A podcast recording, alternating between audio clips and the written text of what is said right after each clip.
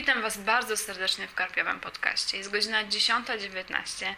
Nagrywam ten podcast z rana, chociaż ukaże się dopiero o godzinie 19 i świeci mi słońce prosto w twarz. Ledwo widzę w ogóle swoje notatki i mam nadzieję, że mimo wszystko nie będę się bardzo jąkać. Dzisiejszy odcinek jest swego rodzaju prezentem, który chciałabym podarować chłopakom z serwisu stephenking.pl na dziesięciolecie ich kingowej działalności. Niech to będzie mój maleńki wkład w obchody ich urodzin, choć pewnie to krótkie nagranie zginie wśród niezliczonych atrakcji, które chłopaki przygotowali, a których ja już osobiście nawet nie mam siły śledzić, bo jest ich tak dużo.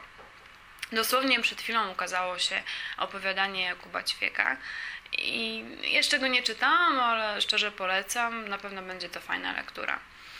Ponieważ w przeciwieństwie do Manda nie siedzę w Kingu, to nawet nie umiem ocenić, czym warto się podniecać, ale to opowiadanie na pewno będzie ciekawe.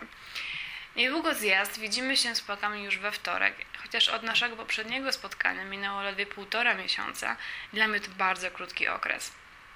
Wódka zjazdowa szybko by się skończyła, ciast piec nie umiem, a kingowy odcinek karpiowego podcastu niech będzie odpowiednikiem własnoręcznie zrobionej laurki. Tylko może bez serduszek, choć pewnie nie obędzie się bez kilku miłych słów, więc moja reputacja zimnej ryby pewnie legnie w gruzach. Chłopaki najchętniej pewnie usłyszeliby, jak mówię, że King jest najlepszym pisarzem na świecie, ale znamy się chyba wystarczająco długo, by nie mieli złudzeń. Mogą sobie ewentualnie wyciąć fragment tego zdania. I tu muszę wspomnieć o takim paradoksie, który nasunął mi się na myśl, gdy słuchałam najnowszego odcinka Radio SK. Swoją drogą robiłam to podczas biegania po osiedlu i dobrze, że było już w miarę ciemno, bo wyszedłem na jakąś fitness wariatkę, co to się cieszy, nawet jak ma spoconą gębę.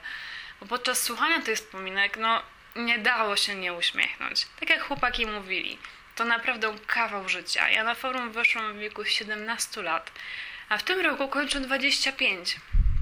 I tu właśnie jest ten paradoks, bo przez te 8 lat zżyłam się z kingowcami nieziemsko. A przecież tak naprawdę to ja cholera nie lubię Kinga i nawet nieraz mieliśmy z tego powodu jakąś spinkę. Bo musicie wiedzieć, że chociaż przez ten czas kingowiec stał się dla mnie synonimem pozytywnie zakręconego człowieka, to jednak krytykowanie Kinga w ich obecności bywa niebezpieczne i jak się to zrobi w nieodpowiedni sposób albo bez odpowiedniej rozluźniającej alkoholowej podkładki, to niestety odzywają się w nich czasami najgorsze instynkty.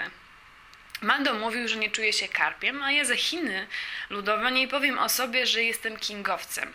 A mimo to jakoś dalej to wszystko się kręci. Ale to jest kurczę fajne. Ja zawsze podziwiałam ich pasję. Ja poświęcam dużo czasu karpenoktem i można powiedzieć, że jestem mocno oddana temu serwisowi. I odkąd zostałam naczelną, to wręcz traktuję je jak własne dziecko. Ale przy kingowcach wysiadam przy biegach. Jeśli miałabym teraz powiedzieć, czy będę działać przy karpę za następne 10 lat, to wcale nie byłabym skłonna odpowiedzieć twierdząco. A Mando, Nocnego czy Inga bez StephenKing.pl po prostu sobie nie wyobrażam. Wydaje mi się, że ta ich monogamia jest jednak dużo bardziej zaraźliwa i mocna niż nasza poligamia. Najwięksi zapaleńcy, zwłaszcza jeszcze przed czasem Gotham Cafe, zawsze pojawiali się najpierw w pokoju Kinga i to chłopaki mieli największy udział w scalaniu tej społeczności. Nie obeszło się może bez kilku krzywych akcji i fochów, ale prawda jest taka, że choć przez te 8 lat bywało różnie, to jednak wytworzyliśmy sobie taki love-hate relationship i choć zdarzyło mi się raz czy dwa odpłynąć w trochę inną stronę, to jednak na dłuższą metę byłoby mi cholernie ciężko zrezygnować ze zjazdów i, i w ogóle z tej znajomości.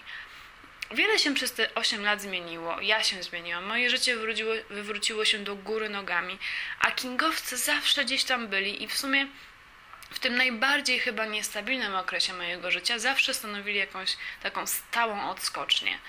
Nie będę jak Paweł nazywać ich mentorami, bo jeśli mnie czegoś nauczyli, to jak nie reagować na idiotyczne zaczepki, ale jednak jakiś wpływ na moje życie mieli, bo zawsze byli bardzo wyrazistymi postaciami na zjazdach czy na forum i ścieranie się z nimi, zwłaszcza z Mando, było zawsze bardzo interesujące i nieważne już w jakim sensie. Zresztą dotyczy to całej tej formułowej społeczności. Są to ludzie tak naprawdę czasem diametralnie od siebie różni I nawet nie można użyć tu tego utartego sformułowania łączące ich pasji, bo cholera, każdy z nas ma inne podejście do czytania. Czasami ludzie trafiają na forum z powodu filmów, a nie książek, albo czytają coś zupełnie innego niż reszta, albo w ogóle wpali na jakiś zjazd przez znajomego i dopiero po pierwszym spotkaniu zopali bakcyla. Jeśli już łączy nas jakaś pasja, to jest to pasja o tak wielu obliczach, że w zasadzie łączy nas bardzo niewiele, a jednak jakoś ciągle do siebie wracamy, czy to fizycznie, czy wirtualnie. I jeszcze tej kwestii, jeszcze o kwestii tej monogami i poligami. Mando i Paweł wspominali w swoim podcaście również o ściąganiu od siebie nawzajem. Ja muszę przyznać, że wiele rzeczy zgapiłam ze StephenKing.pl, chociaż cholera nie mogę sobie teraz przypomnieć żadnego konkretnego przykładu. Na pewno gdyby nie Mando, to nie byłoby karpiowego podcastu, bo chociaż kiedyś tam pojawiła się jakaś rozmowa na ten temat na forum, to zdążyłam o niej 10 razy zapomnieć i dopiero Radio SK jakoś pchnęło mnie ku tej inicjatywie. Ale bardziej mi chodzi chyba o taką ogólną inspirację.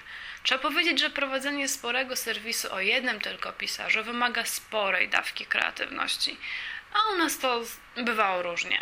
Prawda jest taka, że porwaliśmy się z motyką na słońce i był moment, w którym Karpen okno złapało mocną zadyszkę, a SKPL zawsze było gdzieś tam i miało więcej fanów, więcej postów na forum i trzeba było kombinować, żeby wymyślić coś nowego, a nie tylko klepać newsy wydawnicze. Po przeprowadzeniu serwisu o literaturze grosy, gdzie jest dużo więcej pisarzy, łatwo mieć codzienne aktualizacje i nie wychodzić poza obręb recenzji i newsów. I może znowu mi się za to beknie, ale nie mieliśmy zbyt dużej konkurencji. Jeśli były spore serwisy o horrorze, to zajmowały się głównie filmem, bo to z miejsca gwarantowało im dużą oglądalność bez zbędnego wysiłku, więc bez sensu było się z nimi porównywać.